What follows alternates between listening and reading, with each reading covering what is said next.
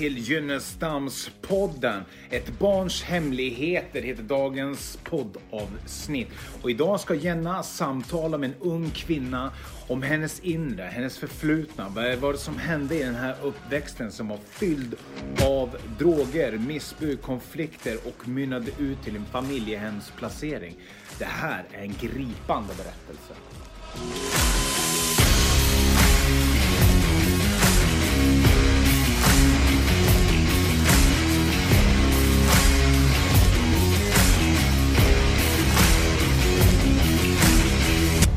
Välkommen till Gynnestamspodden. I dagens avsnitt pratar vi om barnperspektivet i kriminalitet och missbruk. Jag möter en ung kvinna som delar med sig av en uppväxt kantrad av just kriminalitet och missbruk. Vi pratar om otrygga miljöer för ett litet barn, våldsamma och skrämmande händelser, tonåren och skoltiden. Om hur livet kunde ha gått helt fel genom det sociala arvet, men att det går att bryta det arvet och skapa sig ett bra liv trots allt. Vi pratar om hjälp och stöd som finns att få för att ta sig fram på rätt väg. Med det säger jag välkommen till podden Alexandra. Tack så mycket. Vad roligt att du vill vara med i vår podd och starkt av dig att vilja dela din berättelse. För det är, inte ja. alltid, det är inte alltid helt lätt och det är inte alltid att man vågar prata om, om saker så öppet som du vill göra. Ja, nej men så är det. Mm. När jag läste upp det som jag läste alldeles nyss, just det här med en uppväxt i kriminalitet och missbruk. Eh, och när du tänker på din, din barndom, din uppväxt och så, vad, vad är det för känslor som drar igång i dig då? Ja, alltså det är både bra och dåliga känslor. Mycket tankar och känslor kommer ut till ytan när jag hör det. Mm. Men eh, jag hoppas att jag ska kunna hjälpa andra med mm. den historien jag kommer berätta idag. Jättefint. Hur var det när du växte upp Alexandra? Med, med liksom, hur såg din familjesituation ut? Vilka var ni i din familj om du säger så? Ja, när jag växte upp så jag har alltid haft en tät kontakt med min farmor och min pappa. Mm. Eh, jag och min pappa vi har haft en jättenära kontakt. Mm. men min farmor har också varit en jätte, jättestor del av mitt liv. Hon har liksom varit som en extra mamma. Eh, och eh, jag har ju inte haft kontakt med min mamma. Hon har varit väldigt frånvarande under eh, hela min uppväxt. Och eh, ja, men så när jag växte upp, det var liksom jag och min pappa och min farmor. Sen har vi haft liksom nära släkten runt omkring då, min faster och farbror och lite sådär. Mm. Så att du har liksom, när vi pratar om det vi kommer in på lite senare, att det har varit både missbruk och kriminalitet i din miljö, då hade du ändå människor runt omkring dig, vuxna, som inte var i kriminalitet eller missbruk. Ja, exakt. Du hade liksom alltid ett, ett litet safety net runt omkring exakt. dig. Mm. Exakt. Okej. Okay. Så tänker jag, du har ju stundtals haft en väldigt otrygg uppväxt kan man säga. Ja. Eh, men du säger också när jag frågar om känslor att, att du har också bra känslor. Skulle du kunna berätta lite om, om perioder i din barndom där det var bra, där du hade glädje, där det var tryggt och lugnt? Hur kunde det se ut? Ja, alltså det var ju främst mellan när min pappa då var nykter. Han är ju narkoman och alkoholist. Eh, men han hade en bra period från när jag var ungefär sex år till 10. Eh, och då var perioden jättebra. Vi, ja, vi kunde göra jättemycket olika saker. Vi åkte utomlands. Vi, eh, ja, vi gjorde utflykter. Vi eh, åkte ut och campade. Vi tillbringade väldigt mycket med eh, ja, men med familjen då, med min farmor och min faster och våra vänner. Eh, och liksom så. Så det, ja. Mm. Men då säger du som tiden före, upp till sex års ålder där när du var mindre då, så var det liksom lite sämre eller jobbigare, tuffare perioder? Ja, exakt. Ja, men min pappa satt ju i fängelse. Um, alltså jag kommer inte ihåg exakt så årtal och sånt, men från när jag föddes och fram tills jag var liksom fem, ungefär så vet jag att han bland annat satt inne i fängelse då eh, för olika brott. Eh, men han hade även mig själv, alltså på heltid den tiden oavsett det här. Men som sagt så var ju min farmor en väldigt eh, alltså en stöttpelare i det här. Så hon hjälpte liksom till i det här och stötte upp i det här eh, och tog eh, sig an mig liksom när pappa ja, men hade problem med att inte ja, kunna ta hand om mig då, då som man ska göra när man, när man är så liten som jag var.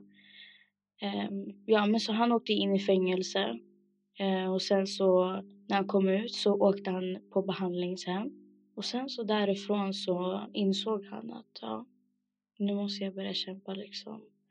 Och det var då jag fick flytta hem till honom på heltid och då var jag ju sex år. Så du bodde periodvis hos din farmor då?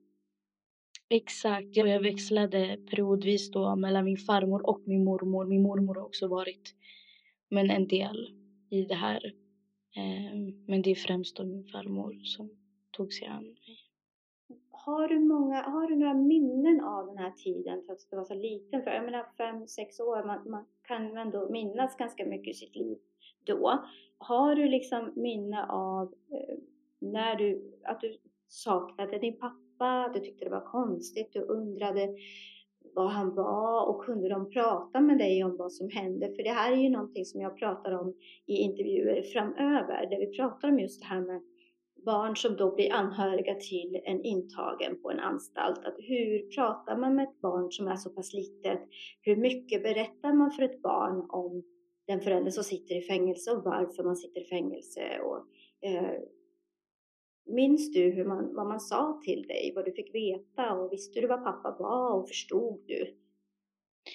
Jag förstod inte. Eller jag förstod väl kanske lite men för jag kommer ihåg att jag var på jag hade en dagmamma på den tiden. Och då kommer jag ihåg att det var två poliser som kom till den dagmamman då som jag var hos. Och eh, sa liksom att ja men eh, nu ska du få följa med här så ska du få träffa din pappa liksom. Och det var ju då under den här perioden eh, innan jag fly fick flytta hem då, då på heltid. Eh, så det är väl det jag kommer liksom ihåg. Och det, man förstår men samtidigt så förstår man inte innebörden Nej. i det hela. Man förstår inte syftet utan man tänker bara liksom att ja ah, men pappa kommer tillbaks. Han kommer komma tillbaka snart. Min pappa skulle aldrig överge mig. Alltså man tänker liksom så. Och de som är runt omkring de, de försöker bara få det att leva som vanligt. Liksom de försöker bara hålla i rutiner. Till exempel förskola dagis. Ja. Och liksom sådär. Um, liksom ha rutiner och aktiviteter. Liksom. Det var så för mig i alla fall. Så min, min familj fick göra då när min pappa fick sitta då. Um, så ja. Det är väl såklart också från individ till individ såklart och vilka man har runt omkring sig. Men du säger att poliser kom och du sa att du skulle träffa din pappa. Fick du åka och besöka honom på en anstalt då? Jag kommer inte ihåg. Nej, jag tror inte jag... Jo, kanske... Om jag fick... Kanske satt han då på Gävleanstalten. Jag kommer faktiskt inte ihåg. Nej, nej. Men jag kommer ihåg att vi var i... Ja, vi fick så ett rum liksom som småbarn får vara i. Det finns så leksaker. Det ska vara anpassat till liksom en familjär familjärt rum liksom. Det kommer jag ihåg. Men mm. mer kommer jag inte ihåg faktiskt. Nej. Och sen berättade du då när du var sex år så fick du flytta hem till pappa igen. Mm. Och han bestämde sig för att vara drogfri och hur, hur gick det? Hur, hur lång tid höll det? Vad minns du? Alltså det gick jättebra och han höll sig exemplariskt. Mm. Eh, fram till fram till ungefär 2015, 16, 2015 ungefär. Mm. Eh, och jag kommer ihåg det här alltså, som om det var igår. Jag kommer ihåg exakt, jag skulle byta skola. Eh, och jag hade mitt sista öppet hus på den, nuvarande, eller på den dåvarande skolan som jag gick mm. på. Och jag var jätteglad liksom så här, för jag hade kommit in på skolan som jag hade velat, som pappa också hade velat och alla var liksom jätteglada över det. Och då var det som sagt det här sista öppet hus då. Eh, och jag kommer ihåg att jag, det var liksom på kvällen det skulle inträffa. Så jag gick hem medans, eller mellan då. Och så kommer jag hem och jag kliver in genom dörren. Och så hör jag musik. Och min pappa brukade aldrig lyssna på musik. Det var så här, jag vet inte varför, men han brukade inte göra det.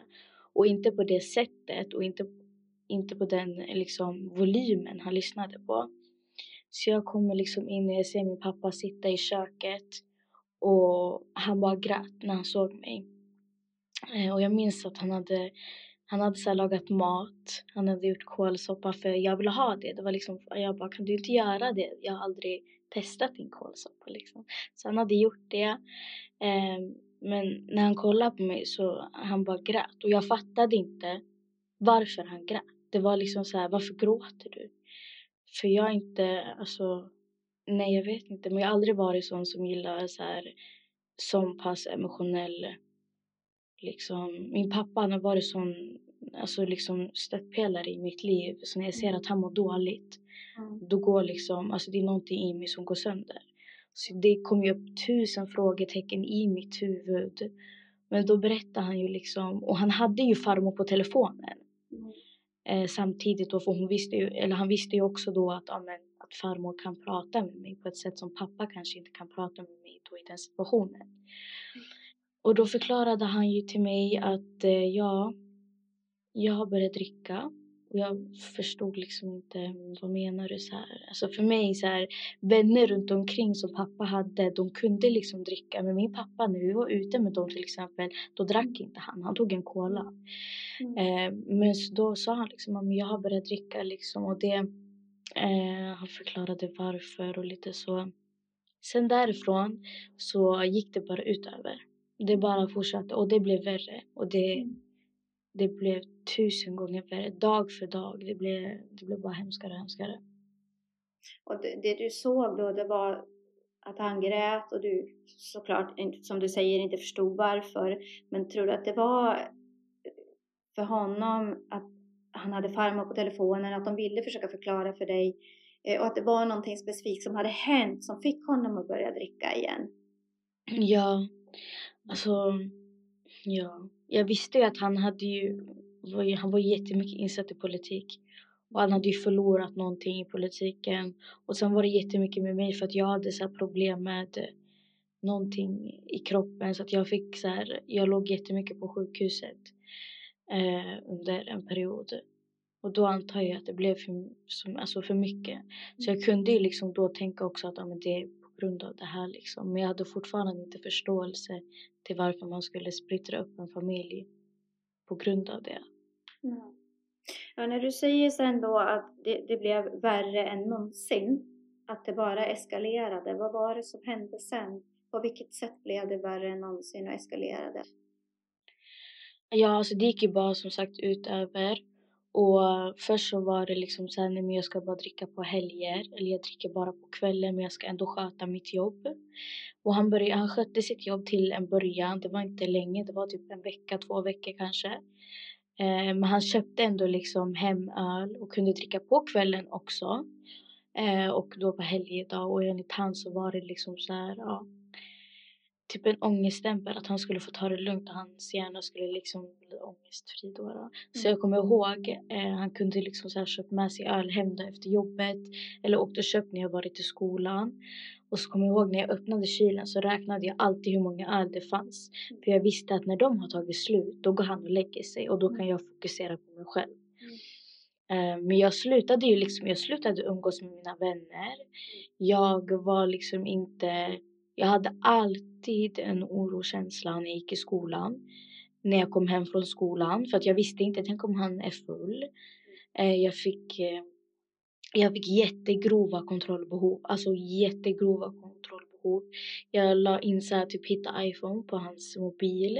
Jag kunde se vart han var och jag gick liksom in där och kollade hela, hela tiden vart han var och jag ringde han hela tiden. Och jag hade koll på allting. Och jag var bara tio. Alltså jag hade koll på allting. Eh, exakt allting du kan tänka dig att, alltså att man har koll på en människa, det hade jag på honom.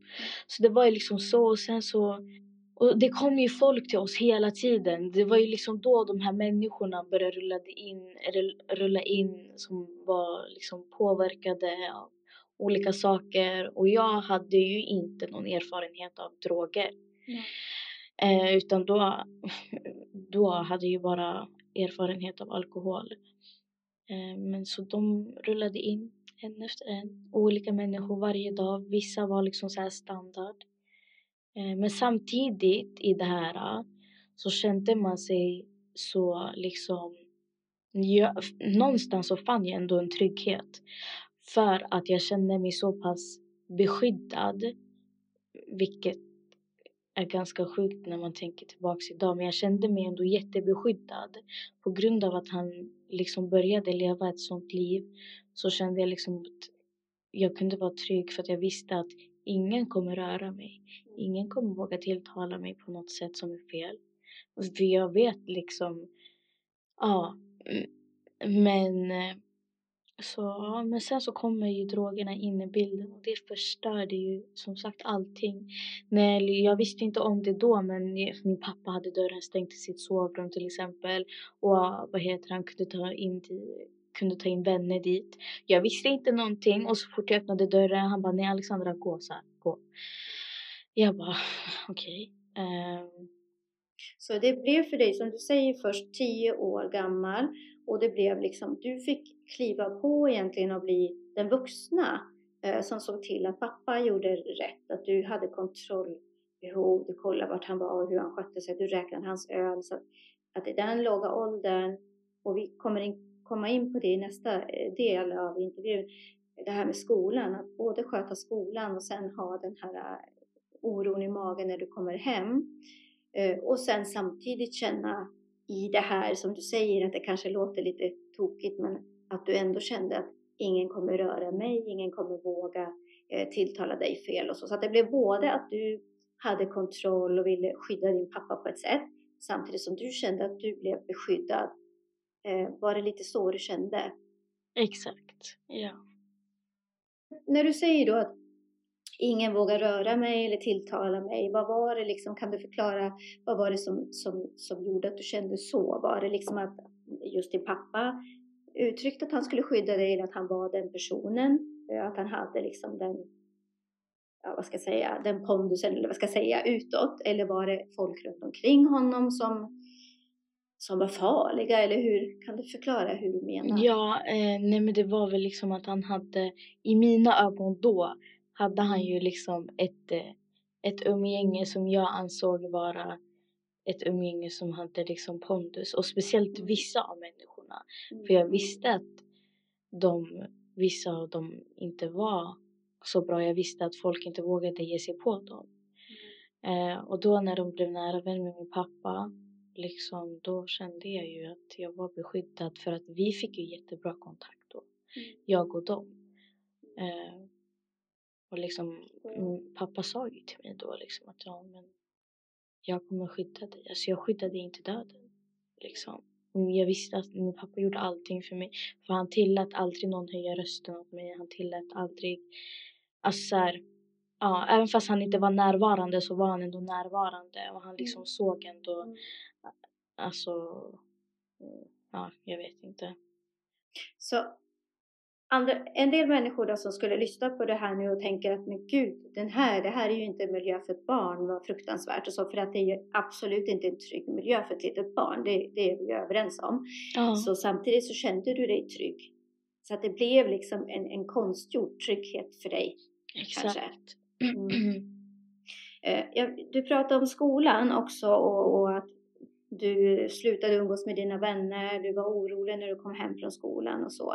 Eh, vi ska ta en liten kort paus nu, men sen kommer vi gå in på just det här och prata om din skoltid, hur det var efter pausen. Yeah. Så häng kvar så tar vi en liten paus och så är vi strax tillbaka.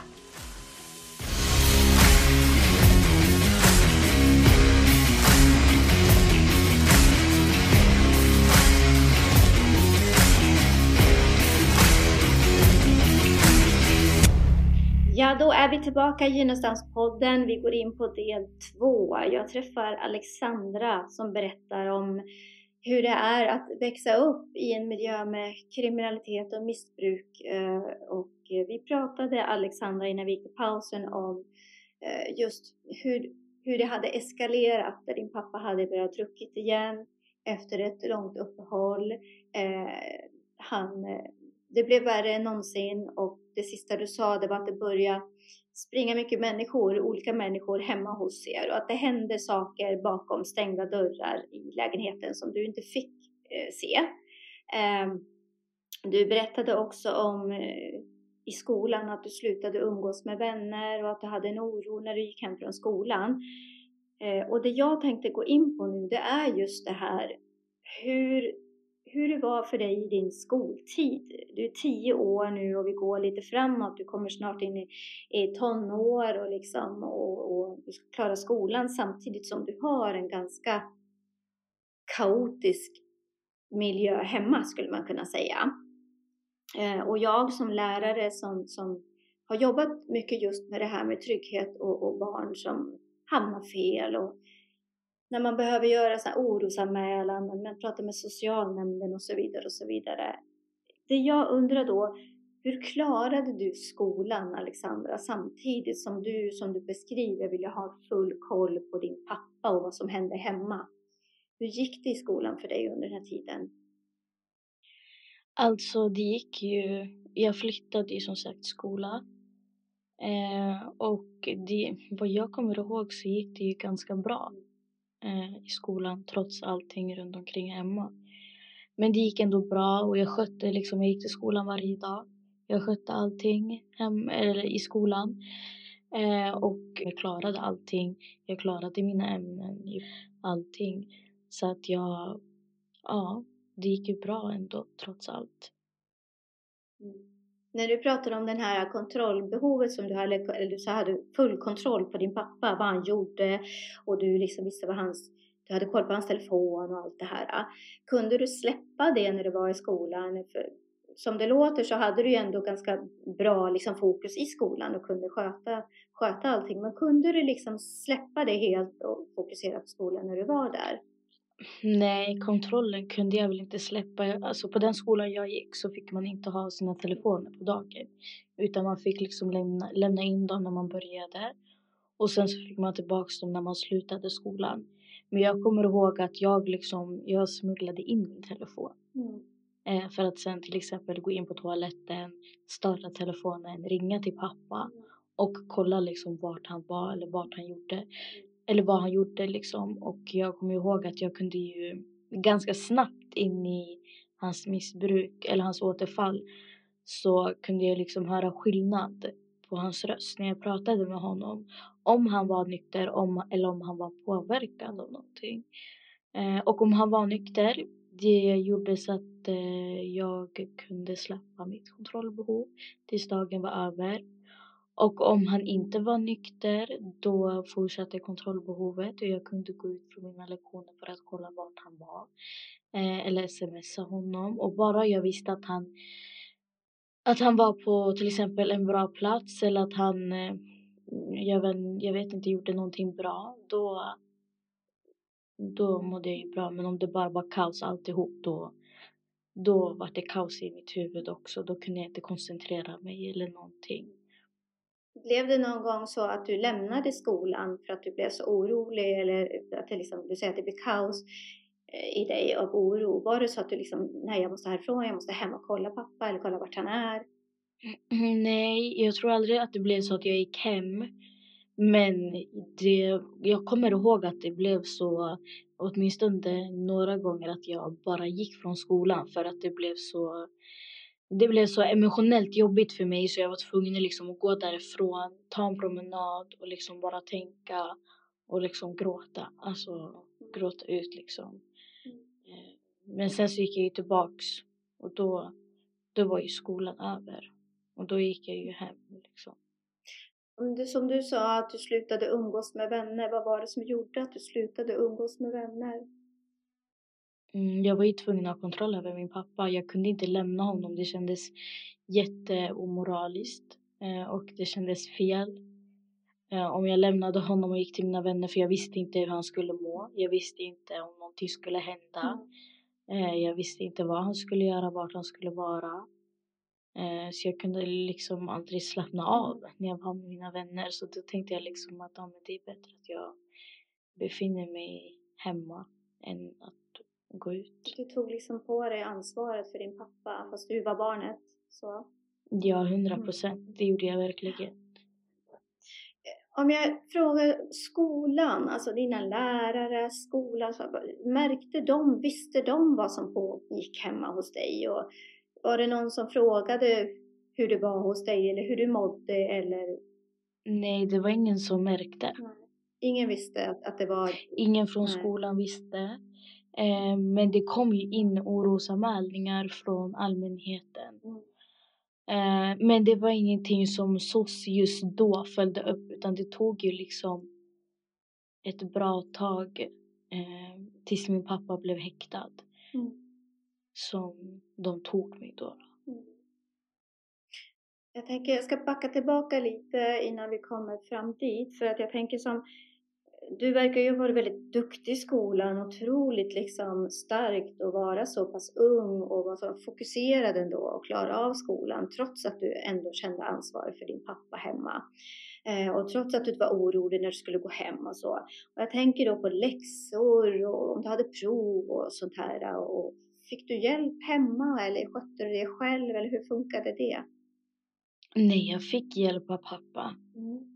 också Mm. eh, hemma med läxor och han var liksom så men du måste liksom klara skolan, du måste få en bra framtid och du måste få en utbildning.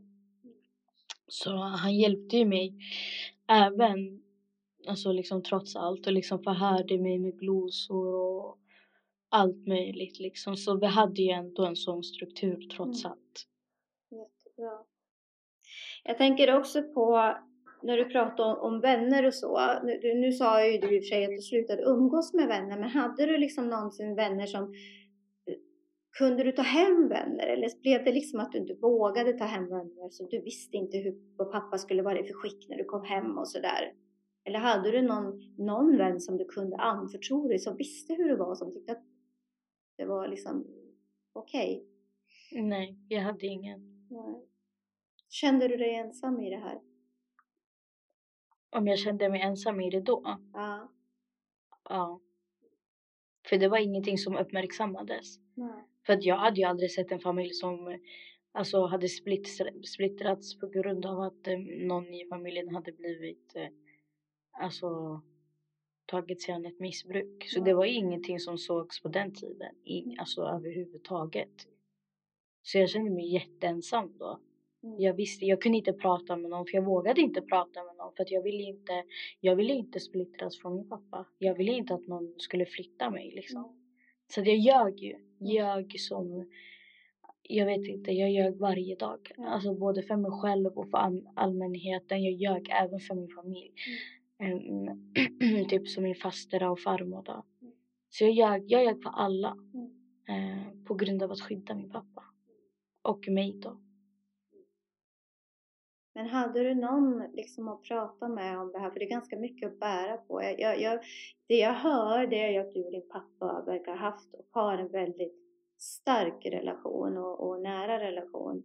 Eh, och att ni på något sätt har burit varandra genom det här trots att det har varit jobbigt och kaos.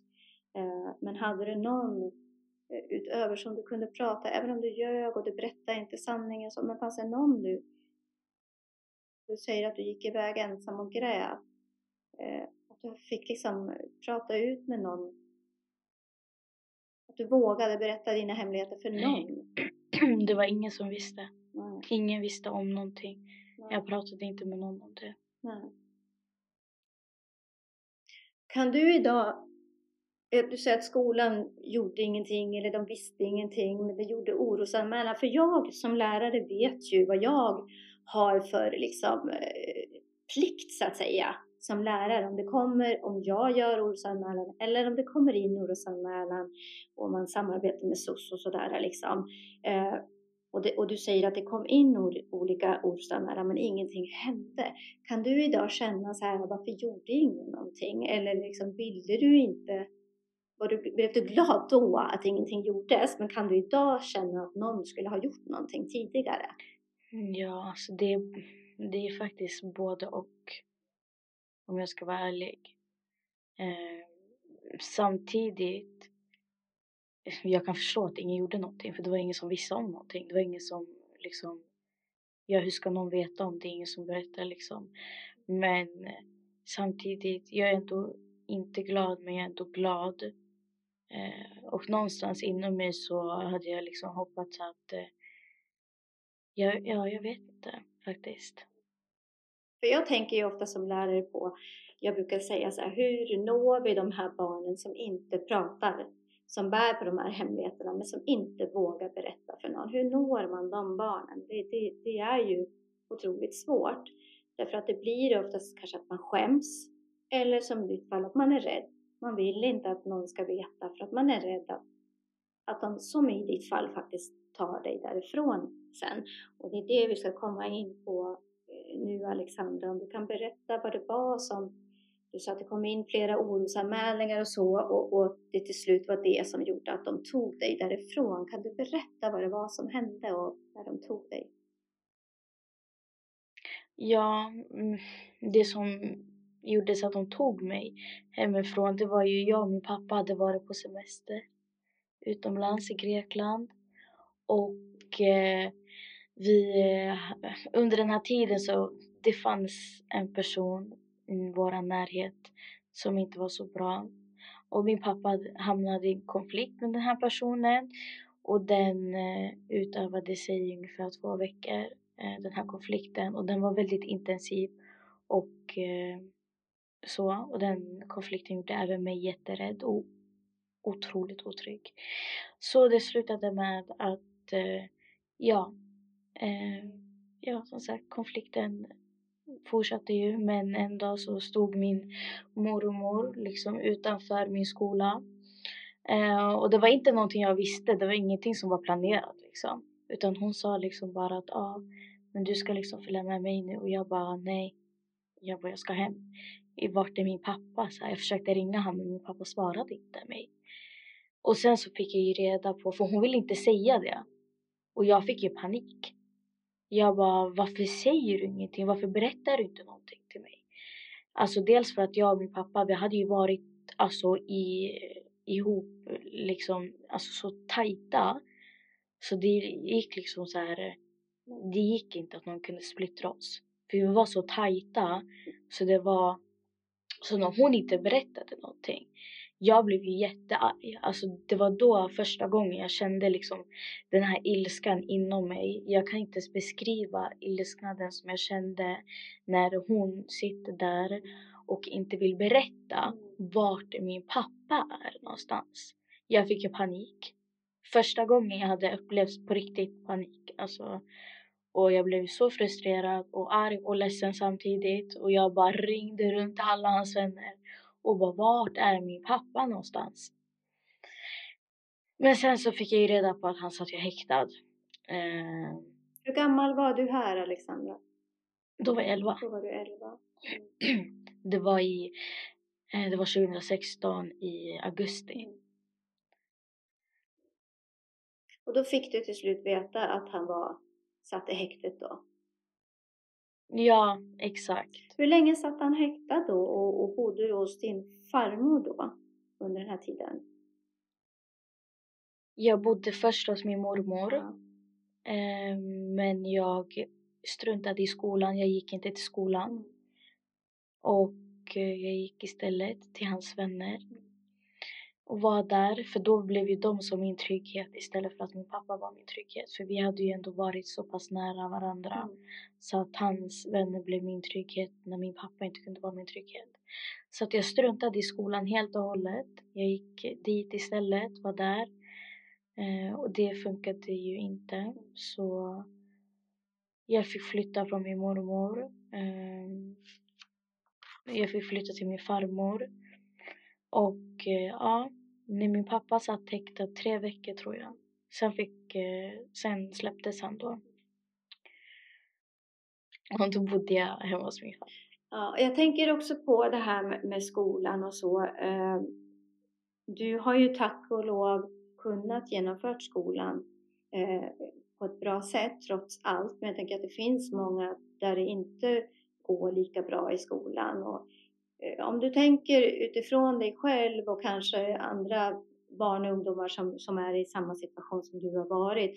Tycker, känner du liksom att skolan kan göra mer eller liksom, eh, att kunde du ha fått mer hjälp och stöd eller känner du liksom att skolan gjorde sitt jobb, om man säger så, med, med tanke på orosanmälningar som kom in. Förstår du hur jag menar? Ja, jag förstår hur du menar. Eh, ja, hur skolan hade kunnat göra sitt jobb, alltså liksom så, så att det hade blivit bättre. Jag vet faktiskt inte. Nej. Eh, för när jag tänker tillbaka så var det ju liksom bara, jag vet inte, det, det var blankt. Jag mm. kände inte att det, ingen hade kunnat göra någonting Nej. för att det skulle ha blivit bättre. Nej. För att jag hade förlorat eh, min tillit till alla. Vilket resulterar i att ingen kan hjälpa dig förutom dig själv. Om det är så att du har förlorat tilliten. Det finns vissa, vissa personer som kan hjälpa dig och det är de som har upplevt, alltså liksom i alla fall det är så för mig, att de som har liksom samma erfarenhet av dig, mm. det blir enklare liksom att prata med dem. Men om du inte har den erfarenheten som det, som det barnet, i alla fall var det så för mig, då, då, då har jag ingen tillit till dig. Mm. Alltså det, men det är inte så man ska tänka egentligen. Men det var så jag tänkte. Ja jag förstår, jag förstår det där eh, som du säger att man, man vill gärna prata med dem som har samma erfarenhet eller varit med om samma saker, att de förstår mer. För att det är klart att det kan vara svårt att förstå om man själv inte har varit in i det. Eh, känner du också i det då att människor kan bli väldigt dömande? Speciellt de som kanske inte har samma erfarenhet, att man dömer väldigt hårt. Eh. Absolut, hundra procent. Folk har dömt mig Alltså ända tills jag, alltså från den tiden och fortfarande än idag dömer folk på grund av min uppväxt och på, på grund av att jag har haft eller levt under de förutsättningarna och utsatta situationer. Folk kommer döma, folk har alltid dömt. Och det spelar ingen roll vad du än gör eller vilka människor som finns runt omkring dig som backar upp dig. Folk kommer alltid döma dig, folk kommer alltid se ner på dig. Men man måste bara lära sig att, eh, man kommer lära sig det när man blir äldre. Man måste bara lära sig att, okej, okay, alltså vad synd för dig att du dömer mig. Det, det tar bara din tid och det tar inte på mig att du dömer dig, mig. För det, det är helt oväsentligt för mig att liksom ens tänka på dina åsikter. Liksom, så håll dina åsikter för dig själv. För bakom allt det här, trots allt, liksom så finns det ändå ett barn som är, är litet och behöver trygghet och omsorg. Och så kommer du liksom där med dina dömande åsikter. Det, vissa klarar av det, vissa klarar inte av de här åsikterna och dömande. Liksom. Mm. Så att ja, folk kommer alltid döma. Mm. De som har haft en liknande uppväxt som mig, alltid. Jag känner ju, jag tycker att du är väldigt klok Alexandra och tror du att, att du har blivit starkare? Du har ju fått vara liksom tvingats att bli väldigt självständig från väldigt liten ung ålder. Eh, känner du liksom att du har blivit starkare som person och, och någonstans i det här tuffa, den här tuffa uppväxten som, som den har varit har liksom fått något positivt i just att du har blivit en stark person och självständig och ditt tankesätt, just det här med dömande och att du klarat upp ditt liv och så vidare. Ja, gud ja, hundra procent. Alltså, jag vet inte vem jag hade varit om jag hade haft liksom ett, hur ska man säga, en, en normal uppväxt utan liksom så här, alkohol och sånt. Men jag har tagit så mycket lärdomar från det och mitt perspektiv för människor har utökats något enormt. Jag har fått mer liksom empati för folk. Jag förstår folk på ett helt annat sätt. Jag, nej, jag har blivit så otroligt stark av min barndom, av min uppväxt. Absolut, jag är liksom, jag är 18 år idag och jag har inte självklart inte bearbetat allting jag varit med om ännu, men jag har bearbetat väldigt mycket.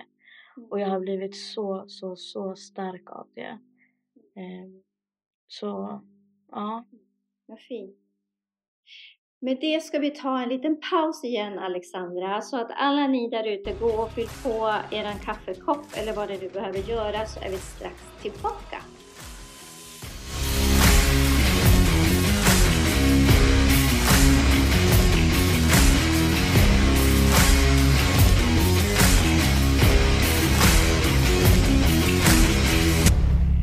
Vi tillbaks Gynnestampodden här. Jag sitter med Alexandra som har delat sin eh, berättelse om ett, en uppväxt med kriminalitet och missbruk.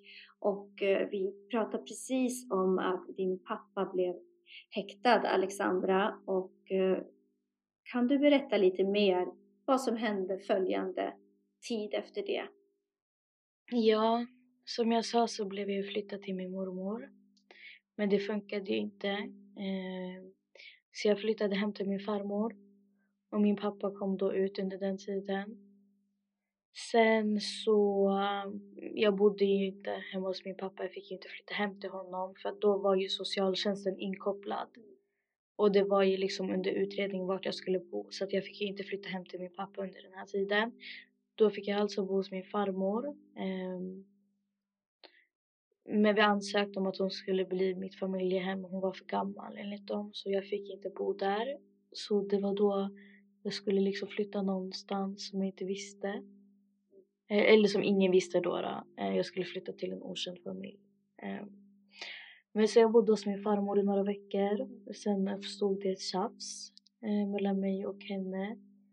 Så ja, vilket var, jätte, det var jätteonödigt tjafs men eh, det blev liksom jättestora kravaller runt omkring det så att eh, ja, jag ringde väl till SOS i aggressioner, socialtjänsten och sa liksom att ah, men nu får ni flytta mig. Eh, vilket de tog på allvar. Och jag fick flytta redan samma dag och jag ångrade mig väldigt grovt efter det. För att det var liksom som sagt inget det var ett tjafs som en vanlig familj liksom har. Så jag fick flytta då mm, till ett jourhem i Ockelbo. Ehm, jag bodde där och redan då så blev jag väldigt utdömd. Det var ju inte mitt fel att jag hade fått flytta, det var inte mitt fel att jag blev placerad där. Men det var liksom, det kastades ändå på mig eh, och jag var tvungen liksom varje dag att pendla därifrån till skolan med tåg. Och jag var ju 11 då fortfarande. Och det var ju, allting var jättenytt för mig liksom. Men sen så fick jag flytta igen. Och då flyttade jag till ett familjehem. Eh, tillbaks till Gävle då. Eh, och det var, ja, det var bra där men det funkade inte heller där. Får jag fråga Alexandra, för, för, för de som kanske inte riktigt vet eh, jourhem och familjehem. Kan du berätta lite mer vad det är? Ett jourhem, det är alltså ett hem liksom som man stannar på kortvarigt mm. under tiden som socialtjänsten hittar ett familjehem, vilket är en långvarig placering. Och där är ju liksom meningen med ett familjehem är att man ska växa upp där. Men ett jourhem är liksom en akut, en akut lösning. Exakt, det är en akut mm. placering liksom. Mm. Okay. Ja. Hur kände du då? Såklart var det jobbigt, men hur kände du då? För du blev, du blev ledsen och upprörd att vart är min pappa? De tog dig från pappa. Var liksom den separationen först oerhört tuff för dig? Och sen blir du osams med, med farmor och det funkar inte och sen bli placerad hos några som var helt okända för dig. Hur kändes det? Hur, hur, hur mådde du då? Alltså jag tror inte jag kände så mycket. Jag mådde ju inte bra. Men det var... Jag tror det var där jag började stänga in mina känslor. Mm. Det var där någonstans som jag lärde mig att alltså liksom stänga in allting som jag hade varit med om och allting liksom som hände. Så att jag tänkte inte så mycket. Jag bara fortsatte leva mitt liv. Men en känsla som alltid har varit där, det är ångest och oro. Um, så det var jag inte så bra på att liksom stänga ute, men det var ändå jag stängde ändå liksom in det. Så jag kände, jag kommer inte ihåg faktiskt. För att jag kommer inte ihåg att jag kände någonting. Blev det som ett, ett skydd för dig att, att stänga av känslorna för att det blev för jobbigt att känna? Absolut. Fick du hjälp med det här? Såg de det? Eller fick du prata med någon? Fick du gå och prata? Fick du hjälp med det här på något sätt? Nej. Nej. Var det ingen som såg? Nej. Alltså, folk såg säkert, men jag var jättebra på att dölja det. Alltså jag har ju liksom haft, jag har ju lätt, även fast jag har liksom mått jättedåligt, så det var ju svårt för folk att liksom se hur jag egentligen mådde på grund av allting. Men nej, jag, jag vet att jag fick ju gå till några så kuratorer, men min tillit, den fanns ju inte där.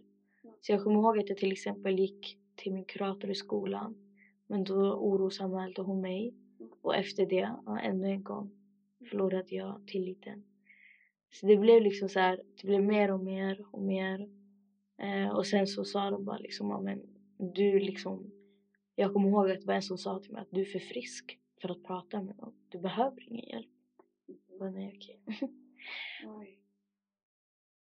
Det du kände då när du tappade, liksom, tappade du tilliten till alla vuxna omkring dig liksom då? Ja, hundra procent. Jag tappade tillit till allt och alla. Jag hade bara mig själv. Det var bara jag som kunde, alltså det var bara mig själv som jag hade tillit till. Det fanns ingen som jag hade tillit till. Mm. Jag tänker på skolan, du, du, hur, du var borta från skolan när din pappa blev häktad och så. Du gick inte till skolan då under en tid. Hur förändrades det i skolan sen? Gick det fortfarande bra? Kunde du fortfarande sköta skolan eller blev det liksom svårare nu? Nej, jag skötte inte skolan. Eh, och då därifrån, jag tror det var i femman. Eh, efter det så gick det bara neråt. Mm. Jag skötte inte skolan. Och sen dess så har det, så har det inte gått så bra. Mm. Kände du då att du skulle ha fått uh, mer hjälp eller var det liksom inte, var det samma där i skolan, att du var inte mottaglig? Uh, att du stängde av så att, eller, eller försökte skolan på något vis hjälpa dig? Jag kommer inte ihåg om de försökte hjälpa mig men jag kommer ihåg att det var någonting som hette Skolfam som blev inkopplat och det är ju en enhet från socialtjänsten som är till för familjehemsplacerade barn. Mm. Och de hjälpte ju mig jättemycket. Jag hade en, eh, vad ska man kalla dem, pedagog och han var, alltså han var suverän. Mm.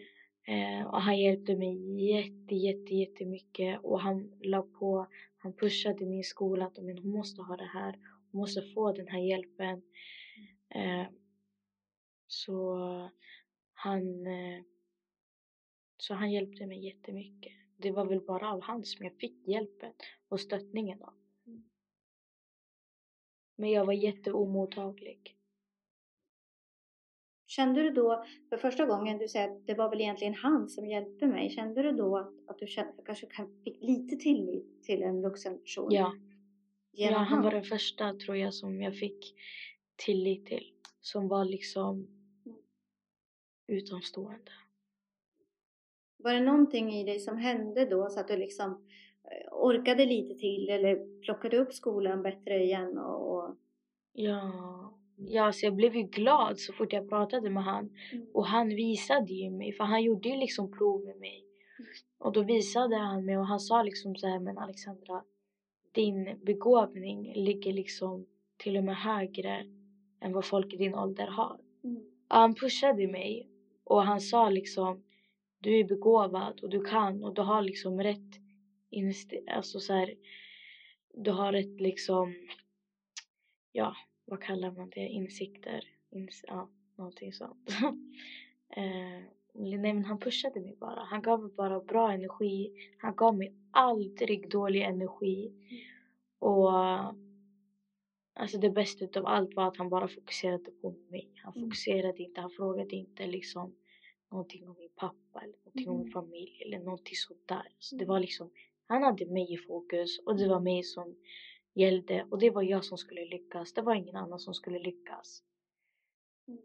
Gud vad fint. Jag blir så glad när jag hör sånt här för att det är ofta så här att det räcker liksom med att en person ser dig, hör dig och liksom ser vad du behöver och, och, finns där utan att döma, utan att lägga in andra växlar och som du säger fokusera just på dig Alexandra och se vad du behöver och att det var den pushen du behövde liksom för att för att känna glädje igen liksom. Det är, jätte, mm. det är jättefint att höra.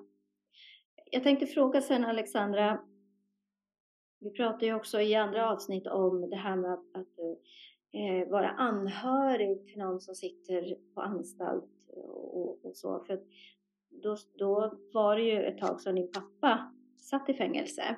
Mm. Eh, och, och, det hade han ju också gjort när du var lite mindre som du inte mindes och så. Vi pratar om hur det är liksom att ha en förälder eh, i fängelse och om du liksom fick åka och hälsa på då när du var äldre. Ja, alltså jag har alltid fått hälsa på honom Eh, när han har suttit i fängelse. Och ja, hur det känns att vara anhörig till någon som sitter i fängelse. Ja, det känns, det känns inte bra, men det känns inte dåligt för man vet vart man har dem.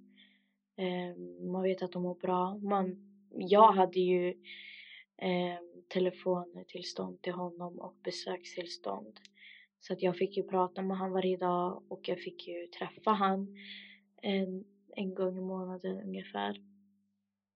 Så att eh, men för mig kändes det liksom bra. Kanske det inte kändes lika bra eh, att sitta liksom i en celliknande, i ett celliknande rum och prata liksom. Men ja, det är inte någonting man tänker på så mycket. Man, men man blir bara glad liksom. Mm.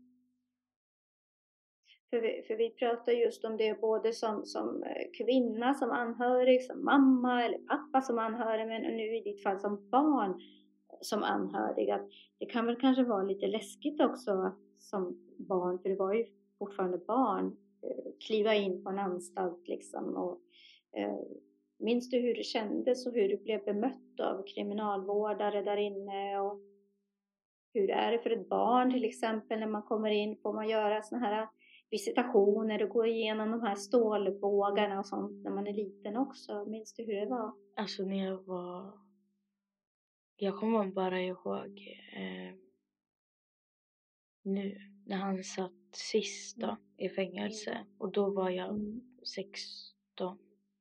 Mm. Eh, och då fick jag ju så här, gå igenom stålsaker och så här eh, liksom ja, de visiterade mig. Och... Men de på den anstalten som han var på då, de bemötte mig jättebra varje gång. Och jag kunde liksom, så om det var att jag inte hade hört från min pappa så kunde jag bara ringa in, in till fängelset och de bemötte mig alltid lika bra. Eh, mm. Alla vakter bemötte mig jättebra. Eh, nej men jag tyckte, jag kan inte minnas någonting dåligt från när min pappa suttit inne kriminalvården, de, eh, i alla fall med mig så har de varit bra. Vad bra. Jag tänkte fråga Alexandra, du, nu, vi pratar ju om det här sociala arvet som, som är någonting som ofta följer med ett barn som har vuxit upp i kanske kriminalitet, missbruk, våld och så vidare och så vidare. Eh, hamnade du själv någon gång i något slags missbruk eller kriminalitet? Jag har aldrig hamnat i ett missbruk. Mm. Eh, men absolut, jag har ju testat att röka, ja, men typ hasch då, marijuana. Mm. Eh, men jag har aldrig hamnat i ett missbruk. Men jag har aldrig testat substanser eller någonting. Jag har aldrig haft alkoholproblem. Eh, mm. Liksom, jag har varit försiktig. Mm. Men eh, nej, jag har aldrig hamnat i ett missbruk. Jag har mm. Men jag har hamnat liksom jag har inte levt ett kriminellt liv, absolut inte. Men jag har också mm. liksom hamnat i, i sådana kriminella banor. In, mm. alltså, ja, jag vet inte. Men varit... Med andra människor omkring dig då som har, varit, som har gjort saker? Inte att du har utfört brottsliga handlingar själv? Nej, nej, nej, nej, exakt. Det har liksom varit på grund av folk runt omkring mig. Har du någon gång, en, en lite känslig fråga, har du någon gång blivit utsatt av andra människor eh, som kanske har varit hos din pappa eller runt dig eller kanske någon som har varit efter din pappa eller arg på din pappa som har gett sig på dig? Har du hamnat i någon våldsam eller obehaglig situation? Nej, aldrig. Inte Nej. någon som har utövat våld eller liknande mot mig. Nej. Har jag aldrig. Bra. Och jag tänker också, det är jätte, jag tänker på det du säger när vi pratar om att du har testat och rökt och så, men liksom att du har varit försiktig. Eh, tror du att det är en, en tanke du har, att du själv är rädd och försiktig för att du är rädd att hamna där? Eh, för att du har sett så mycket? Ja, absolut. Det ligger någonting i det. Idag Alexandra är du 18 år. Ja. Eh, Du har en egen bostad. Du har jobb och du har ett socialt ordnat liv. Ja. Va, förutom den här mannen då som, som hjälpte dig i skolan, som var den som såg dig, som hjälpte dig och du har haft ändå vuxna människor runt omkring dig med lite så här stöd och du har haft ändå kontakt med pappa trots allt. Men vad är det, vad är det i dig, tror du, specifikt, speciellt för dig Alexandra, som gör att du klarade att bryta dig ur det här mönstret, att bryta dig från det sociala arvet och inte följa eh, din uppväxt liksom och hamna i det där själv. Min styrka och min vilja att eh, kämpa för min framtid. Att kämpa för att må bra. Eftersom att jag har sett hur alla runt omkring mig har liksom bara dragits ner. Mm. Så har jag varit den som velat dragits upp. Så där har min styrka och min vilja stigit högre och högre. Och det är därför jag har liksom ja, lyckats med det jag har idag. Mm. Din eh, uppväxt måste ju såklart, och det, det har du ju berättat också, påverkat dig väldigt mycket. Eh, och du sa tidigare att du har inte riktigt bearbetat allt du har varit med om och sett och så. Hur känner du idag? Liksom, hur, på, hur starkt påverkar det dig i, än idag? På vilket sätt? Ja, det var en bra fråga. Nej, men det, det påverkar ju mig när jag till exempel ser familjer som där deras barn liksom i min ålder har vuxit upp och ja, jag vet inte, man ser dem tillsammans ute på affären. Man vet ju aldrig vad som händer inne i en familj, man kan ju bara se utanför, alltså utifrån liksom. Eller mina vänners familjer, de har väldigt starkt band och de, ja, liksom de har familjemiddagar och de har liksom sådär, de, de har sin familj nära sig hela tiden, dygnet runt liksom. Um.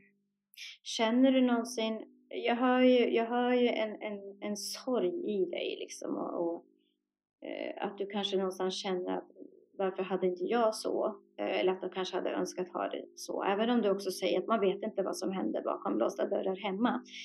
Men känner du någon, någon gång ilska över att din uppväxt var som den var och, och för saker du har varit med om? nej, Nej. för jag har lärt mig att acceptera det. Mm. Och jag har lärt mig att acceptera att det är en del av mig och att det är ingenting som jag ska skämmas över. Nej. För jag har inte kunnat göra någon, någonting som... Jag har inte kunnat gjort någonting, alltså någon skillnad. Utan jag får bara acceptera att det är, jag är den jag är och min uppväxt den... Alltså den är liksom, ja, jag har fått acceptera det bara. Du, du, du är ju väldigt stark Alexandra och eh, jag blir väldigt rörd när jag hör din berättelse. Du, du har väldigt fint eh, sätt att tänka och se på saker. Eh, hur är din relation med dina föräldrar idag? Eh, Jag har knappt någon relation med min mamma, eller jag har ingen relation med min mamma. Vi pratar inte ofta alls. Min relation med min pappa, jag och min pappa har en superfin relation. Världens starkaste relation. Min pappa är nykter idag. Mm. Och det har gjort så att vår relation har blivit stark och den har liksom blivit en dotter och en farrelation liksom. Vi ser varandra, alltså, och vi hjälper varandra. Vi, vi stöttar varandra genom allting och nu, det känns liksom bra. Mm. Det känns tryggt. Mm. Så vi har fått en jättefin relation. Vad härligt. Fantastiskt. Om du fick prata med dig själv som liten, när du var där 5-6 år, vad skulle du vilja säga till lilla Alexandra om du fick ha ett samtal med henne idag? Jag skulle sagt till henne att eh, allting kommer att bli bra en dag. Det kommer vara jobbigt en tid, några år. Fokusera inte på dåliga människor. Försök att hålla dig till vad du själv tror och lyssna på din magkänsla, för din magkänsla har alltid rätt. Och bry dig inte om vad folk säger, om vad socialtjänsten säger eller om vad vuxna runt omkring dig säger. För att eh, du kommer inte att må bra av det och du kommer inse senare att du kommer växa på grund av dig själv och dina mål. Mm. Det skulle jag sagt till henne. Och så min sista fråga till dig Alexandra. Vad skulle du vilja säga till andra barn och ungdomar eller föräldrar på den delen som är i den situation ni har varit i? Alltså till föräldrar, eller föräldrar skulle jag sagt att försök att se ditt barn och om du inser att du själv har ett beroende och en problematik låt inte ditt barn vara kvar i det oavsett hur mycket du än älskar ditt barn och hur mycket du än vill ha ditt barn vid din sida låt inte ditt barn stanna i det för det kommer förstöra ditt barn. Och om du verkligen älskar ditt barn så måste du liksom se till så att den, den är i trygga händer och fokusera på dig själv och, så att du kan en dag ta tillbaka ditt barn. Och att vara ärlig är aldrig fel. Att gömma sitt missbruk, det är fel. Men att vara ärlig kommer att gynna dig mer. Eh, och till barn som har den här problematiken eh, eller som har liksom som upplever den här problematiken är försök att vara stark och försök att öppna upp dig om dina känslor oavsett om, jag, om det är svårt liksom och anförtro dig till någon som du känner att du kan anförtro dig till. Låt inte folk pressa dig till att just anförtro dig till den personen utan du ska göra det. Du ska lita på den personen som du vill lita på, inte lita på någon som någon annan tvingar dig att lita på. Och sätt mål och sätt liksom en vilja och en stark... Alltså tänk att du är liksom... Du ska växa av det här och du ska inte göra det här till någon dålig erfarenhet. Utan du ska i framtiden tänka tillbaks och tänka att nu, jag klarade det här. Och då kommer du vara stolt och det lovar jag att du kommer vara. Det, kommer, det vill jag säga till dem där ute. Fantastiskt fint. Du är en otroligt klok, stark och fin tjej, Alexandra. Eh, och jag är jätteglad över att du ville vara med i våran podd och för att du ville dela med dig. Eh, och jag önskar dig framförallt, men de runt omkring dig också, stort lycka till i livet. Eh, är det någonting du vill säga som sista ord innan vi avslutar? Nej, ingenting. Nej. Då tackar jag så jättemycket och var rädd om dig Alexandra. Ja, tack så mycket. Och ni där ute, tack för att ni lyssnade på Gynnestamspodden. Eh, glöm inte att gå in, klicka på följ för att inte missa kommande avsnitt, gilla och dela. Vi finns där de andra poddarna finns eh, och vi finns också på Instagram och Facebook. Kom gärna med kommentarer. Tack för all respons vi får. Ni är fantastiska. Ha en bra dag så hörs vi. Hej!